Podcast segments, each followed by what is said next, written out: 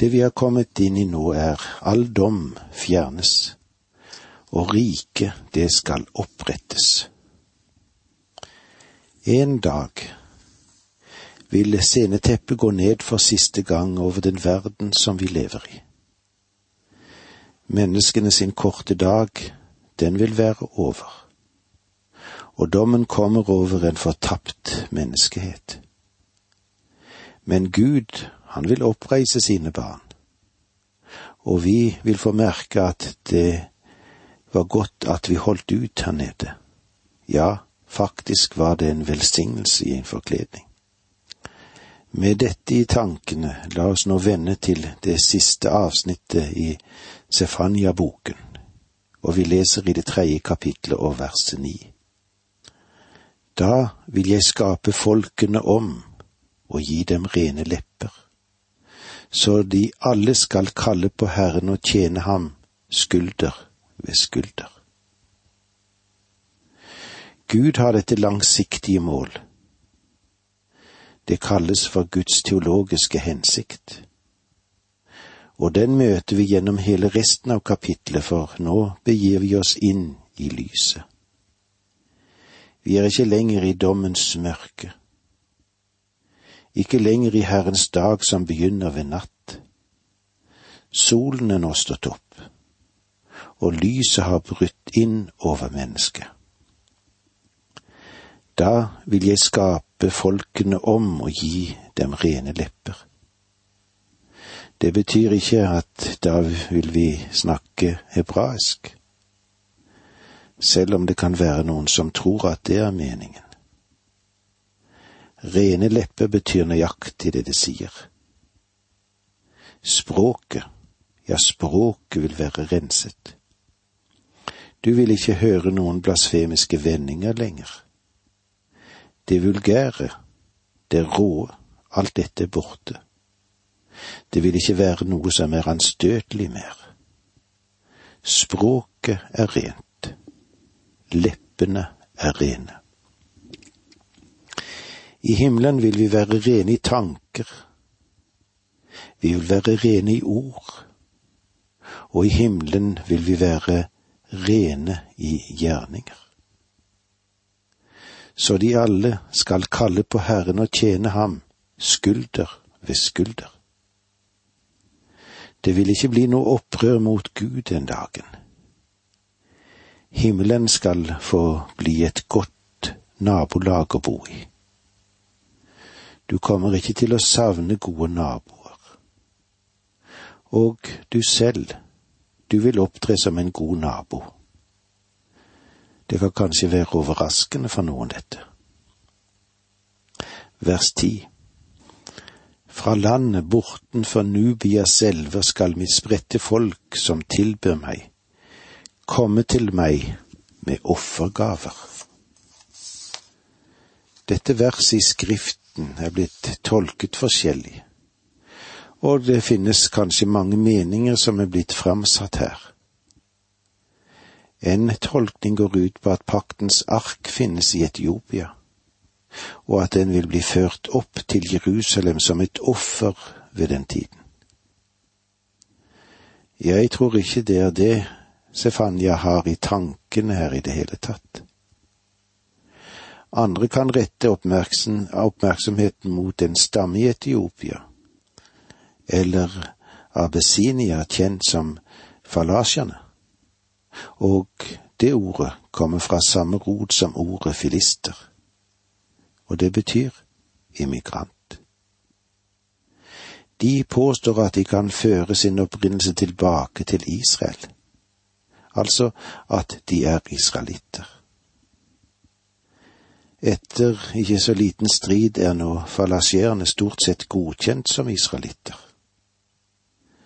Noen mener at dette verset taler om de som er omvendt fra verdens nasjoner som vil føre det atspredte Israel tilbake til sitt land, som et offer til Herren.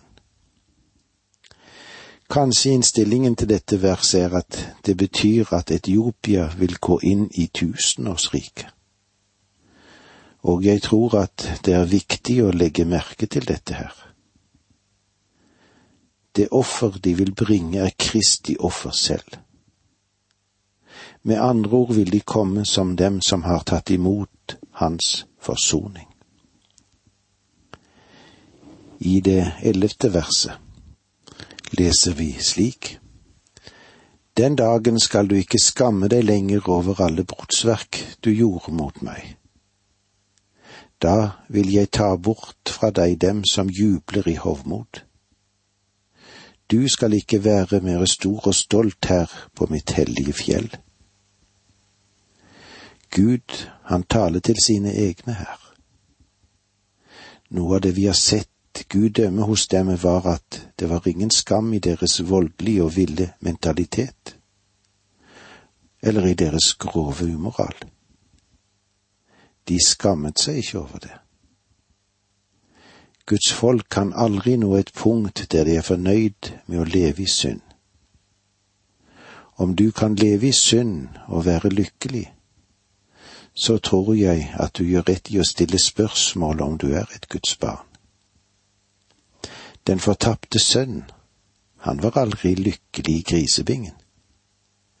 Siden han var sønn av sin far, så måtte han en gang si, Jeg vil stå opp og gå hjem til min far. Det åpenbarte at han ikke var noe svin. Svinene, de elsker grisebingen, de, men sønner, de gjør ikke det. En sønn ønsker å dra hjem til sin fars hus fordi han har noe av farens natur i seg. Og Gud gjør det helt klart her. Den dagen skal du ikke skamme deg lenger over alle brottsverk du gjorde mot meg. Du skal være mer stor og stolt her på mitt hellige fjell.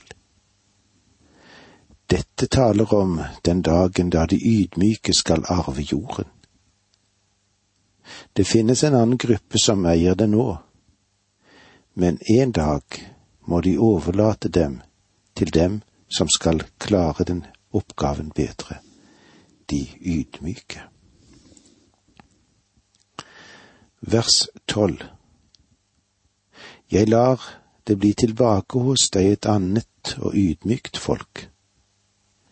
De skal ta sin tilflukt til Herrens navn.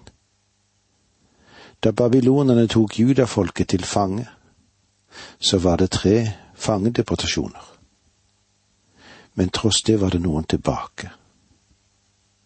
De fattige, de utstøtte og de handikappede ble ikke tatt med til Babylon. Du kan bare tenke deg hvordan de kjente det. Det var fryktelig å bli ført til Babylon i fangenskap og bli slave men det var faktisk enda verre å bli latt tilbake. Gud sier her, Jeg har til hensikt å ta vare på det arme og ydmyke. Du har sikkert lagt merke til hvordan Herren behandler sine kjære.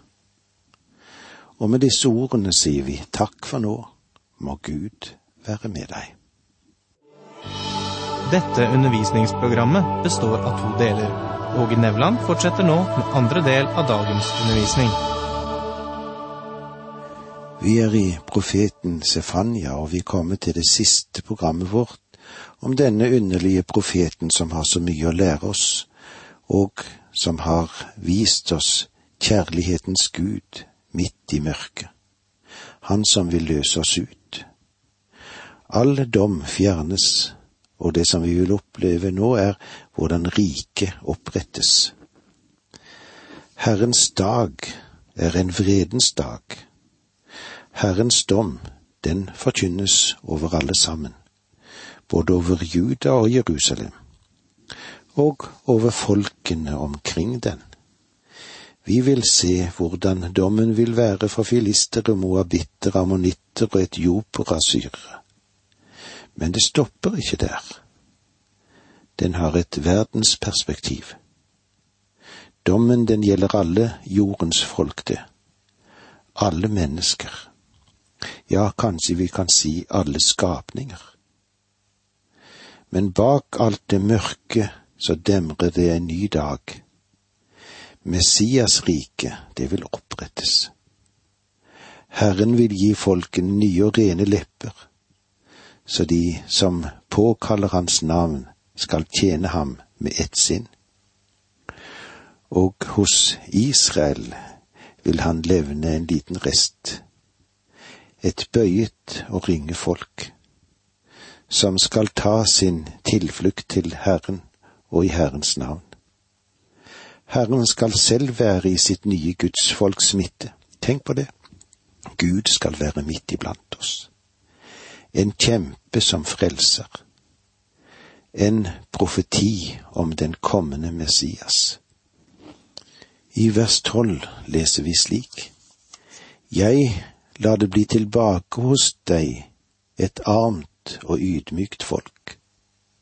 De skal ta sin tilflukt til Herrens navn. Ja, hvor godt er dette? Hvor godt det er at vi skal få lov å ta vår tilflukt til Herren. Jeg har til hensikt å ta vare på det arme og ydmyke. Du har eh, sikkert lagt merke til hvordan det er i Bibelen, hvordan det er en rød tråd om at Herren en dag skal se til de fattige, at de får en rettmessig del, og at de blir behandlet rett. Den eneste i verden som virkelig har et totalt hjelpeprogram for de fattige, hvem er det? Jo, det er Herren Jesus selv, det. Det er Jesus Kristus som sier det. Han har direkte og gjennom sine gjort mer for de fattige enn mange beregnende vedtak i de politiske forum som måtte være. Vers 13 De som er igjen av Israel, de gjør ingen urett mer og taler ikke løgn. Ingen svikefulle tale finnes i deres munn. De går på beite og hviler trygt, det er ingen som skremmer dem. De som er igjen av Israel, de gjør ingen urett mer. Gud har alltid hatt en rest, og det vil bli en veldig stor rest i tusenårsriket. De taler ikke løgn, ingen svikefull tale finnes i deres munn. Det at det kommer en dag da de ikke skal gjøre dette, indikerer at dette er noe som har foregått. Selv Guds folk graver seg ned i synd, men det skal ikke være for alltid. De skal ikke fortsette å leve i synd. De kan bli skitne på beina der så de kan òg bøyes i grisevingen, men de kan ikke bli værende der. De går på beite og hviler trygt. Det er ingen som skremmer dem. Alt dette viser til den dag da Gud vil føre sitt folk i landet og gi de landet. Og dette er en profeti som selv om en mengde israelitter nå har flyttet tilbake til Israel. Likevel er det ikke dette helt fullt opp enda. Det er ikke oppfylt. Det er sant at ingen skal skremme dem. Er det slik nå? Nei, Israel har nesten ikke hatt et øyeblikk etter at de kom tilbake til sitt land der de ikke har vært engstelig og redd. Nå kommer vi til en beskrivelse av dagen når kongen vil opprette sitt rike på jorden. Vi leser versene 14 og 15. Bryt ut i jubel, Sions datter, Israel, rop av fryd. Gled deg, Jerusalems datter, og juble av hele ditt hjerte. Herren har fridd deg fra straffedommen og tatt dine fiender bort. Herren, Israels konge er hos deg. Du skal ikke lenger frykte noe vondt. Den Herre Jesus skal komme til jorden. Det onde skal raderes ut, for landet er fylt av kjennskap til Herren, som vannet dekker havets bunn, som det står i Jesaja 11,9. Landet er fullt av kjennskap til Herren, som vannet dekker havets bunn. Sefania 3,16. Den dagen skal de si til Jerusalem, frykt ikke Sion, la ikke hendene synke. Jerusalem har årsak til å være redd nå, men på den dagen som Herren risser opp skal ikke være noen ting å frykte for. Frykt ikke Sion, la ikke hendene synke. Det vil si, mist ikke motet, men arbeid ufortrødent videre og vent på hans dag. Og så har vi da dette fantastiske verset som vi begynte med, Sefania 3,17. Herren din Gud er hos deg, en helt som har makt til å frelse. Han gleder og fryder seg over deg og gir deg på ny sin kjærlighet. Han jubler over deg med fryd. Gud, han har en målsetting. Han går gjennom dommens natt med oss for å føre oss ut i lyset, inn til en ny dag.